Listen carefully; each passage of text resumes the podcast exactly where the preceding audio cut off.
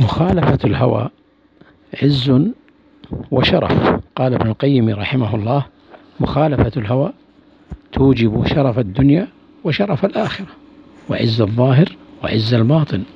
ومتابعته أي متابعة الهوى ومتابعته تضع العبد في الدنيا والآخرة وتذله في الظاهر وفي الباطن.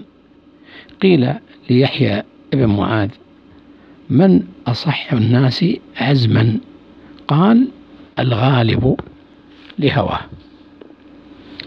ومخالفة الهوى عافية. قال ابن القيم رحمه الله مخالفة الهوى مطردة للداء عن القلب والبدن ومتابعته مجلبة لداء القلب والبدن. فأمراض القلب من متابعة الهوى.